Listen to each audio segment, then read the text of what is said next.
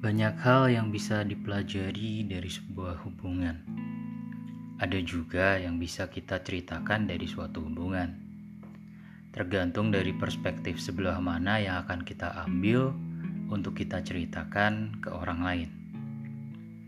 Problema dalam hubungan terkadang membuat kita menangis, tertawa, atau bahkan jengkel karena hal-hal remeh yang kalian lakukan.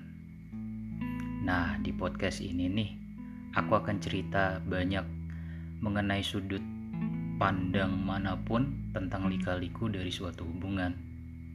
Jadi, buat kalian, aku harap bisa terus stay tune di podcast aku ya.